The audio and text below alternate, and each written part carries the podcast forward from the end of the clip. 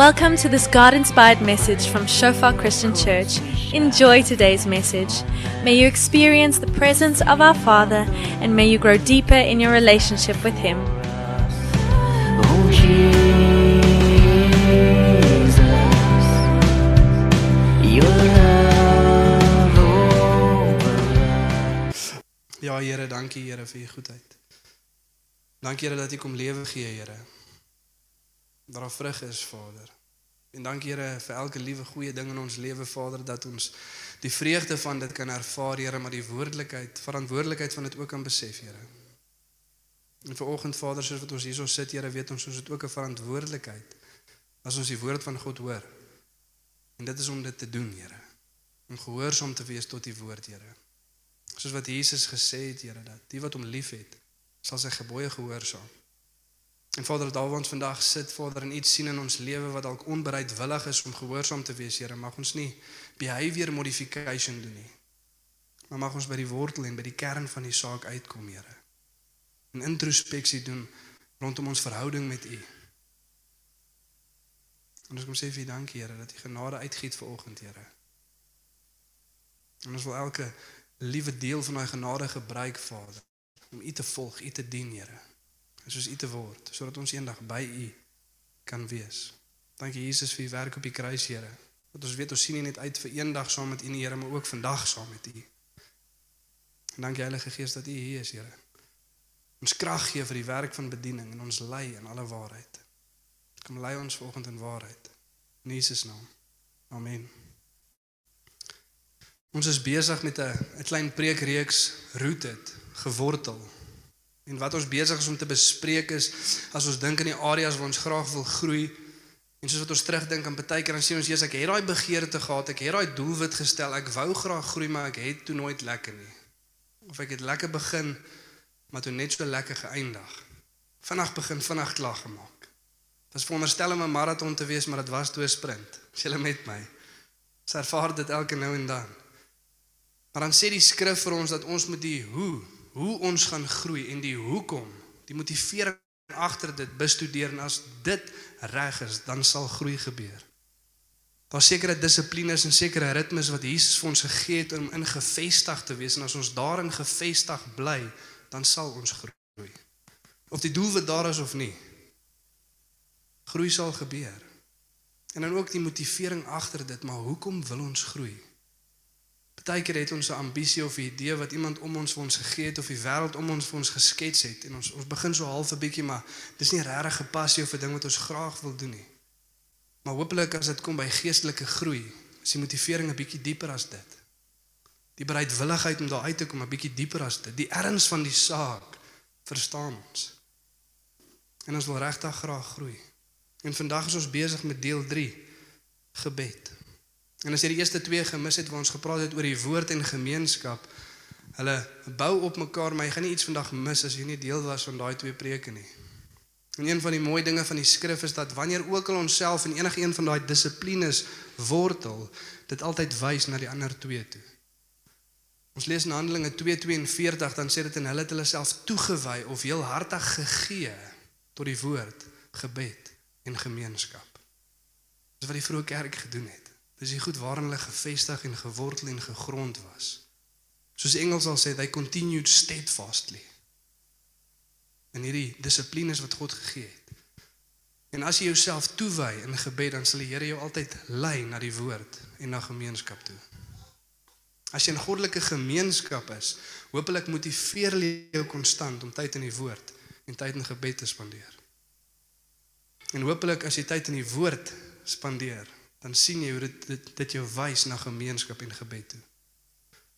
En ook rondom daai vraag en om introspeksie te doen laas, rondom laasweek se preek rondom gemeenskap, is die mense met wie jy jouself omring konstant besig om jou te bemoedig tot geloof, liefde en goeie werke.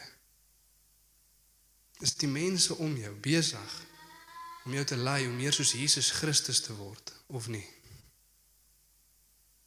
Want die gemeenskap waarin jy moet gewortel wees, is veronderstel om konstant te sê groei, skep moed. Ons is hier vir jou. Ons bid saam met jou. Spandeer tyd in die woord, spandeer tyd in gebed. Maar dis hoekom ons daar so is vir mekaar. En soos wat ons praat rondom gebed, is daar twee dinge wat ons moet besef. En die eerste een is die noodsaaklikheid van volharding in gebed. Hoekom is dit noodsaaklik? Hoekom moet dit gebeur? Hoekom is dit belangrik? Wat doen dit? Wat bewerkstellig dit in my lewe? En die tweede ding wat ons vir onsself moet vra is maar wat is die motivering van dit? Hoekom wil ek volhard in gebed? Hoekom nader ek tot gebed? Wat is dit besig om te doen? En saam met dit moet ons vir onsself weer die vraag vra wie het al gesê hierdie is die jaar wat ek gereeld gaan bid. Jy hoef nie hand op te steek of te beduie nie. Maar wie het altyd gesê nou hierdie keer gaan ek? Ek gaan nou volhard in gebed. Ek gaan nou gegrond en gewortel wees in gebed. Ek gaan die Here se naam aanroep. Ek gaan tot hom nader. Het jy al ooit daai besluit gemaak of daai besef gemaak? En as jy het, was dit volhoubaar of was dit nie? Hoekom het party volhard en party nie? Hoekom het party goed begin maar nie klaar gemaak nie? Wat is dit wat party besef wat ander nie besef nie? Kom ons lees lekker saam deur die stuk teks in Lukas 18 en kyk wat ons kan leer. Ons staan stil hierso by vers 1 vir 'n oomblik. Lukas 18 vers 1 tot 8.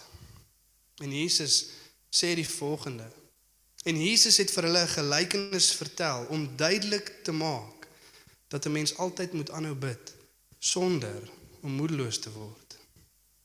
Hierso sien ons die wat ons moet doen. Wat ons moet doen is konstant aanhou bid sonder om moedeloos te word. Ons moet volhard in dit. En nogal duidelik ook, jy sien baie van die vergelykings wat Jesus vertel met die disippels na die tyd na hom toe gaan en dan vra hulle hom: "Here, ons verstaan nie so lekker nie. Wat was die punt van hierdie gelykenis? Wat was die boodskap wat u wou oordra? Maar op hierdie punt maak Jesus dit baie duidelik van die begin af. Hy sê hierdie een wil ek nie hê julle moet mis nie. Ek wil nie hê julle moet hierdie verkeerd verstaan of verkeerd interpreteer nie. Ek wil van die begin af vir jou sê hoekom ek hierdie storie vir jou gaan vertel. En dit is sodat jy kan volhard in gebed. En twee van die afleidings wat ons duidelik kan maak is dat eerstens die mensdom het 'n probleem as dit kom by volharding in gebed. Dis die, dis hoekom Jesus ons aanmoedig. Anders het hy gesê gaan aan soos wat julle aangaan. Wees besig waarmee jy klaar besig is. Maar is nie die geval nie. Die mensdom in geheel is traag as dit kom by volharding in gebed. Selfs net gebed. Weerens daar waar jy sit om introspeksie te doen, die woord en die waarheid moet eers 'n werk in ons doen voordat dit 'n werk deur ons kan doen. Hoe gaan dit met jou gebedslewe? Het jy een? Wanneer bid jy? Waarvoor bid jy? Want dit wys ons iets van ons harte. Maar die mensdom in geheel is traag as dit kom by gebed.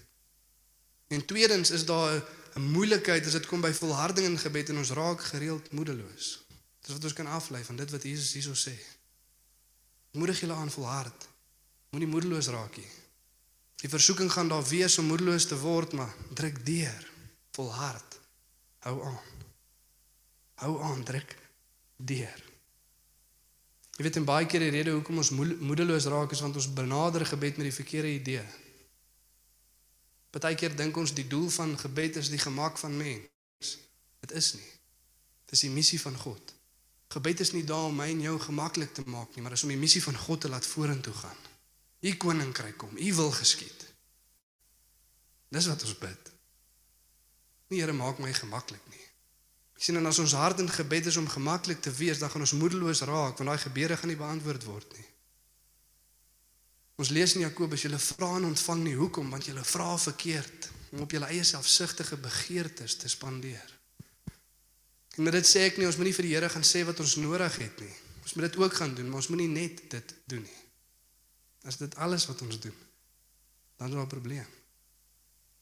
Dan sien ons God as 'n heilige vending masjien Ek sal R5 insit, maar dis net as ek 'n pakkie chips wil hê. As jy met my. Maar as ek niks soek uit die vending masjien nie, dan gaan ek nie regtig iets insit nie. As jy met my. As ons net vra om te kry, dan is iets nie reg nie. Iewers verstaan ons iets verkeerd. Ons persepsie van wie God is, is nie waar dit moet wees nie. Ons openbaring van wat gebed is en doen, is nie reg nie. Maar die woord van God kan dit kom regstel. So kom ons lees deur die gelykenis en kyk wat ons kan leer. En die eerste ding wat ons moet oplet is dat vers 1 begin met die woordjie en.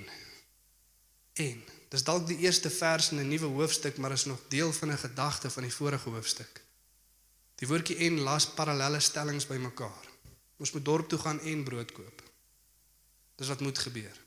Jesus sê in Matteus 28: "Gaan na al die nasies toe en maak mense my disippels."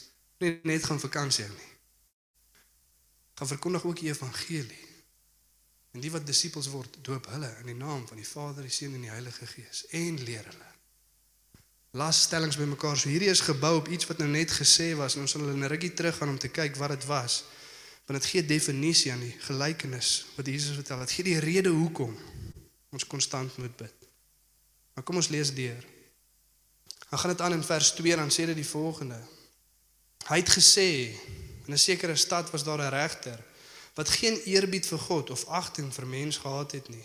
En in dieselfde stad het 'n weduwee gewoon wat hom herhaaldelik kom vra het: "Doen aan my reg in my saak teen my teenparty." 'n Tyd lank wou hy nie, maar later het hy vir homself gesê: "Vir God het ek wel geen eerbied nie en aan mens steur ek my nie." Maar aangesien hierdie weduwee so aanhou om my lastig te val, sal ek haar in haar regsaak help. Anders kom klap sy my op die ouend nog ook. Dit was 'n tannie van Sekunda af die. Toe sê die Here, hoor wat sê die onregverdige regter. Sal God dan nie aan sy uitverkorenes wat dag en nag tot hom roep reg doen nie? Sal hy hulle lank laat wag? Ek sê vir julle, hy sal hulle help en gou ook. Maar sal die seun van die mens by sy koms nog geloof op die aarde vind? En die boodskap van die stuk is duidelik, maar die detail mis ons baie keer. En een van die eerste goed wat Jesus kom regstel is 'n miskonsepsie wat ons baie keer het, soos wat ons tot God nader. Jy sien in die samelewing en konteks van Jesus se tyd het die weduwee geen aansien, geen autoriteit, geen invloed nie. Sy is iemand verwerp deur gemeenskap, eenkant gesit, sit daarso bly stil. Dit help nie jy sê nie. Jy het nie aansien nie, jy het nie invloed nie. Jy het niks om te bring nie. En Jesus sê, hoeveel keer voel ons nie so en het die vyand nie aan jou daai leen verkoop as dit kom by gebed nie. Dit is jy as jy tot God nader. Wat help dit tog jy bid? Jy het geen aansien nie. Jy het geen invloed nie. Jy het geen autoriteit nie. Die Here gaan homself nie aan jou steur nie. En Jesus sê selfs in daai konteks, omdat sy volhard het, was daar antwoord op gebed. Hoeveel te meer nie die regverdige regter nie. Hoeveel te meer nie ons Vader in die hemel nie. Jesus wat sê hier staan ek die seun van God voor julle op pad om gekruisig te word vir julle. Hoeveel te meer nie. Sal die Vader in die hemel antwoord en gou ook. Hy sal jou nie laat wag nie. Om konstant in gebed te wees. En Jesus kom stel daai mispersepsie reg. Daar's nie 'n onregverdige regter in die hemel nie. En ons is nie wederwees in geloof nie, maar ons is kinders van God. En hy is 'n regverdige regter en hy sal ons gebed verhoor en vinnig ook. So moet nooit die idee of die persepsie hê dat jou gebede waardeloos is nie of dat by God het jy geen aansien nie. By God het jy geen invloed nie. Te dank aan Jesus Christus op die kruis as ons tot God nader, dan nader hy tot ons. Sien met my. Dis nie gebaseer op enigiets wat ons is of gedoen het. Wat God ons gebeure veroorsaak hoor en en laat geskied nie. Op die werk van Jesus Christus op die kruis. En dan op die einde dan sien ons hierdie snaakse stelling, maar sal die seun van die mens by sy koms nog geloof op die aarde vind? En dan word ons maar maar hoe sluit dit in by die gelykenis? Wat het dit te doen met wat vertel word? En ons kan onmiddellik aflei dat volharding in geloof en volharding in gebed iets met mekaar te doen het. Dat as ek wil volhard in geloof, as Jesus geloof in my gaan kry, as hy terugkom, dan gaan dit wees omdat ek volhard het in gebed. En geen ander rede nie. Dis die konklusie wat ons kan trek hierdeur. En nou is dit belangrik om terug te gaan na dit wat voor dit gesê was in hoofstuk 17. Want daar het Jesus gepraat oor sy tweede koms as hy weer kom. Dit was die konteks van wat net gesê was voor hierdie gelykenis vertel was. En is fariseërs wat na Jesus toe kom en hulle vra vir hom: "Wanneer gaan die koninkryk van God kom?" En Jesus sê die koninkryk van God staan reg voor jou. Maar jy's so mislei, jy's so geestelik passief. Jy het jou oë so lank terug van God af weggevat dat jy die onvermoë om te sien dat dit wat jy soek reg voor jou staan. Hulle vra vir Jesus, wanneer kom die koninkryk van God? Kan jy dit indink? Dis soos om jou bril te soek as op jou kop is. Ek weet nie wie dit al gedoen het nie. Of jy soek jou foon maar hy's in jou hand. Dis wat hulle doen. Wanneer gaan die koninkryk van God kom? En Jesus sê vir hulle die koning staan reg voor jou. Maar oor jou misleiding, oor jou geestelike passiwiteit het jy die onvermoë om dit raak te sien. Selfs met die disippels van Johannes en die mense wat na Jesus toe kom en sê die disippels van die Fariseërs, hulle vas gereeld. Die disippels van Johannes vas gereeld. Hoekom vas u disippels nie? Dan sê hy, hoe kan hulle vas as die bruidegom voor hulle staan?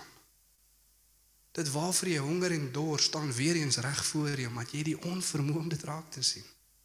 Besef jy nie? En dan sê Jesus dieselfde gaan gebeur as ek weer kom. Hierdie is die realiteit van die keer toe ek eers gekom het, maar dit gaan weer so wees as ek 'n tweede keer kom. Mense gaan weer nie besef nie, want dan gaan misleiding wees, dan gaan geestelike passiwiteit wees. En dan gebruik Jesus die volgende twee voorbeelde. Lukas 17, 22 en 23. Daarna sê hy sê hy vir die disippels: Daar sal dae kom wanneer hulle daarna sal verlang om net een van die dae van die seun van die mens te sien maar julle sal dit nie sien nie. Hulle sal wel vir julle sê, kyk daar is hy of kyk hier is hy, maar moenie gaan nie en moenie agter hulle aanloop nie. In Matteus 24 van 23 tot 28 vertel Jesus dieselfde stuk. Selfde probleem in die eindtye gaan mense kom, hulle gaan jou verlei, hulle gaan jou eenkant toe lok, hulle gaan jou wegtrek van die geloof van valse apostels, valse profete, valse leraars. En mense, mense, hoe oorvloedig is dit nie. Hoe oorvloedig is dit nie hier in Sekunda self. Mense wat hulle self voordoen as mense wat die woord van God aan mense leer. Maar as die evangelie van welvaart, volg Jesus en al sal oukei wees. Wil jy 'n miljonair wees, wil jy jou huwelik red, wil jy hierdie oulike goed hê, volg Jesus. Dis nie die evangelie nie. Maar Jesus Christus is meer waardevol as enigiets. Volg hom, jy gaan verdrukking kry. Volg hom en jy sal vervolg word. Maar hy is meer waardig as enigiets wat jy in hierdie lewe sal kry. Dis die evangelie. Wees versigtig waarna jy luister. In die vergelyking van die verlore skaap. Sy skaap eenkant is kilos weg en wonder jy maar hoe verdwaal hy so ver? Hoe verdwaal ons so maklik? Graspolletjie vir graspolletjie. Omdat jy jou oë laat sak het van God en die waarheid in sy woord en misleiding gevolg het stapie vir stap en as jy weer kan kry, as jy kilos weg. Wees versigtig waarna jy luister. Wees versigtig wat mense in jou verkondig. Selfs dit wat jy hier vandag hoor, vat dit terug skrif toe. Vat dit terug skrif toe. Die waarheid van God se woord. Maar misleiding sal kom. En ons keer teen dit is hoe deur dag en nag in gebed en volharding tot God uit te roep. Here verlos ons van ons teenparty. Verlos ons van die wat teen ons kom en ons wil verlei. Nou gebruik Jesus die volgende voorbeeld in die dae van Noag. Hy sê net soos dit in die tyd van Noag gegaan het, so sal dit ook gaan in die tyd van die seun van die mens. Hulle het maar soos gewoonlik geëet en gedrink en getrou tot op die dag dat Noag in die ark ingegaan het, toe kom die sondevloed. En dit het hulle almal uitgewis. En 'n interessante ding om hierso op te let is dit sê nie dit praat nie van daai vrug van hulle sonde wat hulle daai tyd gedraai het nie. Ons lees in Genesis 6 vers 5 dan sê dit die gedagte en intensie van die hart van mens was konstant boos geweest. Dit was waarmee hulle besig was. Sexual immorality en oorvloed, haat, moord, roof, selfsug, jaloesie en oorvloed. Maar Jesus sê nie dit was die probleem nie. Hy sê mense wat aangegaan het met normale lewe, maar geestelik passief, hulle oë van God afgehaal. Mense wat nie volhard het in gebed nie, wat nie dag en nag tot God uitgeroep het nie. En dit was die eindeinde. Jy sien ons meet onsself baie keer in die goeders wat ons verkeerd doen, die aktiewe sonde wat ons verkeerd kry. En sê as nee man, moenie worry nie, ek's 'n goeie mens. Ek's nie besig met al daai goed nie. En God sê jy kan eet en drink en trou.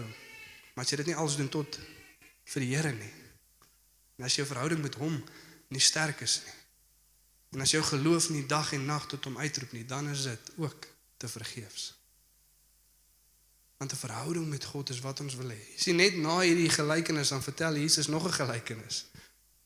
En dit is van 'n persoon wat dink sy saak met God is reg. Die fariseer en die tollenaar wat in die tempel gaan bid. En die een sê dankie Here dat ek nie soos ander mense is nie. Kyk al daai sondes wat hulle verkeerd kry. Jong, maar ek is al 'n goeie mens. En die tollenaar slat op sy bors en hy sê Here, wees my genadig. Sondaar. Kan nie eens opkyk nie. En Jesus sê daai een het in die koninkryk van God ingegaan. Dag en nag uitroep aan God. Nie in hoogmoed nie. Nie in geestelike passiwiteit of misleiding nie. Maar met oë gefestig op die Here. Dan vertel Jesus weer dieselfde van die Sodom. En hy sê in vers 28 en 29 in die tyd van Lot het dit ook net so gegaan. Hulle het maar soos gewoonlik geëet, gedrink, gekoop, verkoop, geplant en gebou. Maar op die dag toe Lot Sodom verlaat het, het vuur en swaal uit die hemel gereën en dit het almal uitgewis. Geestelike passiwiteit. 'n Geloof wat nie konstant tot God nader nie. Jy sien hoe is dit moontlik vir mense om met 'n mond te bely dat God is koning, Jesus is Here, maar ek soek hom nie dag na dag nie. Kan julle die koneksie sien wat nie lekker daar is nie?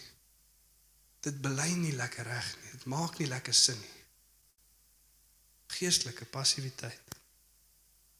En dan vra Jesus vir ons om iets te onthou in vers 32, dan sê hy onthou wat het met die vrou van Lot gebeur. Elkeen wat sy lewe probeer behou, sal dit verloor, maar elkeen wat dit verloor, sal dit behou. Onthou wat het met die vrou van Lot gebeur. En Jesus sê soos wat jy God volg, soos wat jy na hom uitroep, soos wat jy na hom verlang, moenie terugkyk nie. Hou jou oë gefestig op die Here. Moenie laat die begeertes van hierdie wêreld jou laat omdraai nie. Jesus sê in Lukas 9:62 wie ook al sy hand aan die ploeg sit en terugkyk, is nie geskik vir die koninkryk van God nie. Hou jou oë op die Here. Kyk vorentoe, moenie omdraai nie. Moenie laat goed jou terughou nie en moenie laat goed jou mislei nie. En as daar iets in hierdie wêreld is wat jou aandag van God af wegdraai, breek daai ding af. Skuif dit weg. I.W. Tozer het gesê, ek gee nie om wat dit is nie, maar as dit my van God af weghou, is dit my vyand. Ek gee nie om hoe oulik dit lyk nie. Maar dit my van God af weghou, is dit my vyand. Hou oop God, moenie terugkyk nie, volhard. Hoe? Deur te volhard in gebed. En jy sien die weduwee se uitroep was nie een van welvaart nie.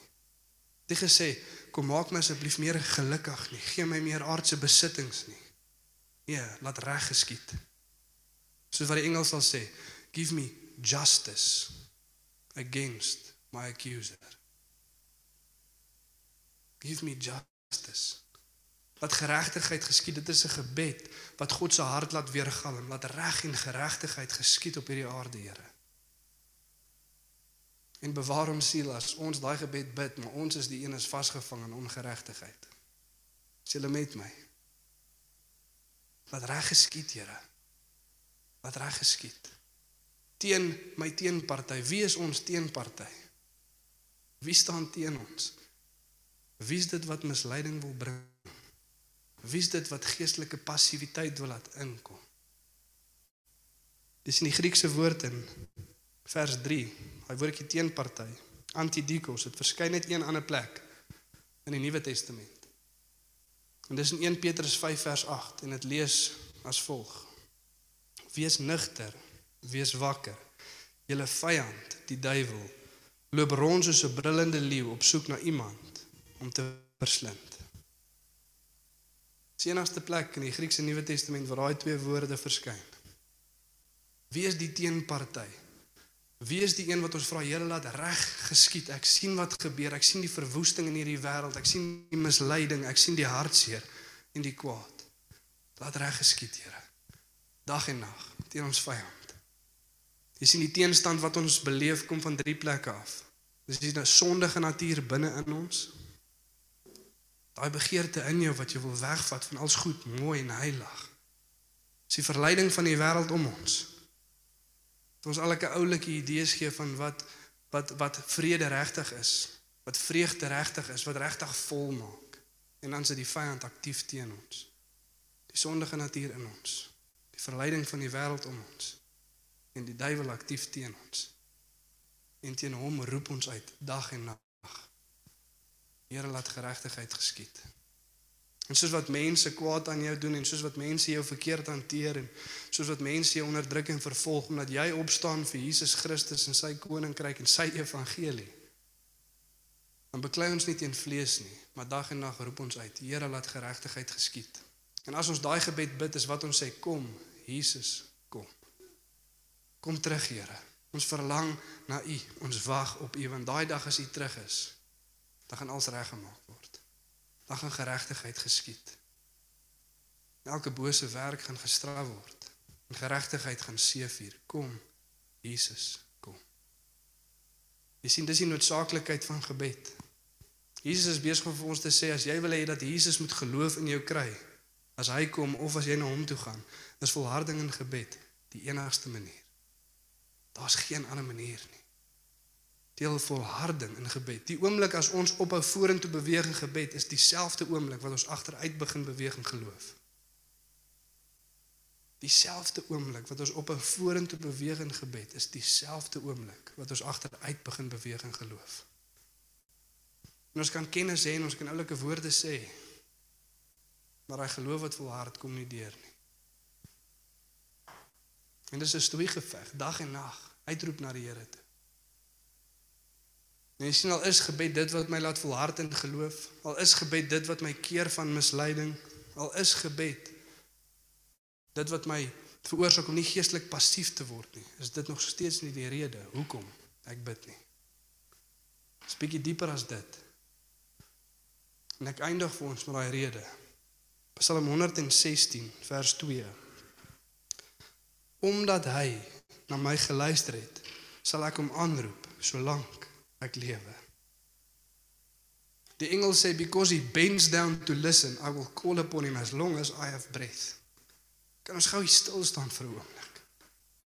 Besef ons wat gebeur as ons bid. Die allerhoogste, heilige, soewereine, almagtige God van die heelal staan stil en hy luister. Jy lê met my volgende. Kan ons gou stil staan? Kan hy Openbaring insink? God wat sy seun gegee het en te danke aan Jesus Christus op die kruis. As ek begin bid, dan luister hy.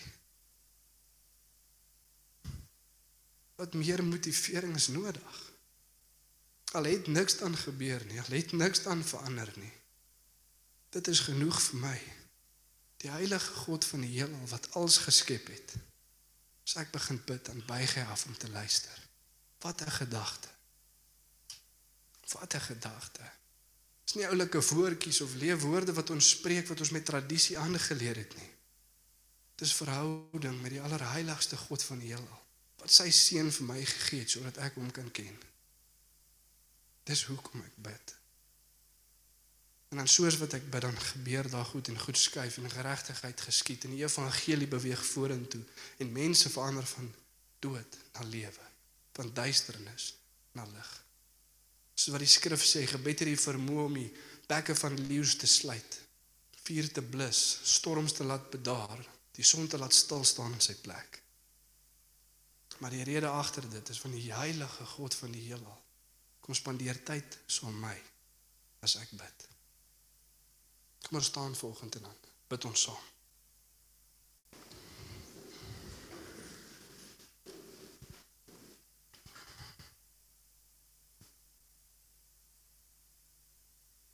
Ja Here, dankie dat ons voor U kan kom ver oggend, Here. Ons kom vra Here, wees genadig met ons. Wees geduldig, Here. Ons bely Here dat ons nie besef wat 'n voorreg ons het nie. Dat die heilige God van die heelal, Here, luister as ek bid, Vader, tyd saam met my spandeer, Here. Hoe kan daai gedagte my nie lei om dag en nag uit te roep en te vra Here wat ook al teen my nie is, Here, wat ook al tussen ons staan, Here, kom breek af verwyder. Vat weg. En ja, Here, as tradisionele Afrikaners, Vader, kom ons voor en ons kom bely, Here. Vasgevang in tradisie, Here, en ons het stories gehoor, maar die openbaring het nooit ingesink nie. Jammer Here vir elke dooie woord Vader wat ons sommer net afskiet eenkant toe Here met geen gedagte agter wat ons besig is om te doen nie met wie ons besig is om te praat nie Here. Maar mag ons die vrees van God ken. Ek kom doen 'n werk in ons vanoggend Here. En ons kom weet ook Here as U nie die openbaring kom gee nie Heilige Gees as U nie kom lewe gee nie gebeur daar niks. En ons kom roep uit Here kom vul ons opnuut. Kom skep in ons hart, Here, wat toegewyd is tot gebed. Here, kom wys ons waar ons mislei is. Kom wys ons waar ons passief is.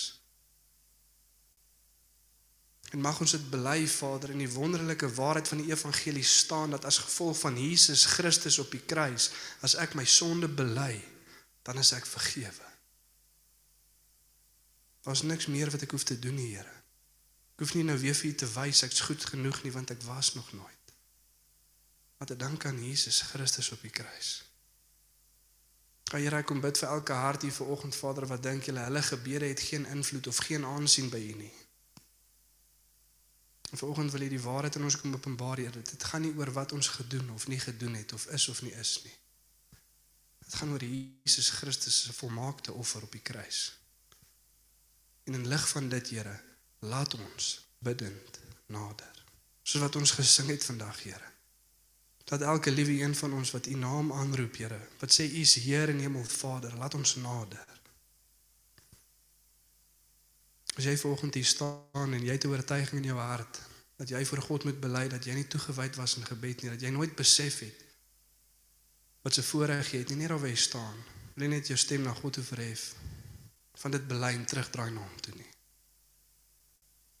As jy volgens hier staan, jy het die leuen geglo dat jou gebede geen aansien of geen invloed het by God nie. Bely daai leuen voor God en draai terug na hom toe. Sê vir hom dankie, Jesus, vir u werk op die kruis. En as jy nog nooit God geken het nie, as jy nog nooit genader het nie. Jesus Christus se offer op die kruis is genoeg vir jou. Here, waar jy staan, draai na God toe. Maar moenie hier uitgaan vandag terwyl daai ding swaar op jou skouers lê terwyl daar ongemak in jou binneste is nie. Moenie toelaat dat jy hierdie woorde vandag gehoor het, maar volgende week as jy nog dieselfde mens en volgende jaar nog dieselfde mens nie, maar laat die genade van God 'n werk in jou kom doen vanoggend.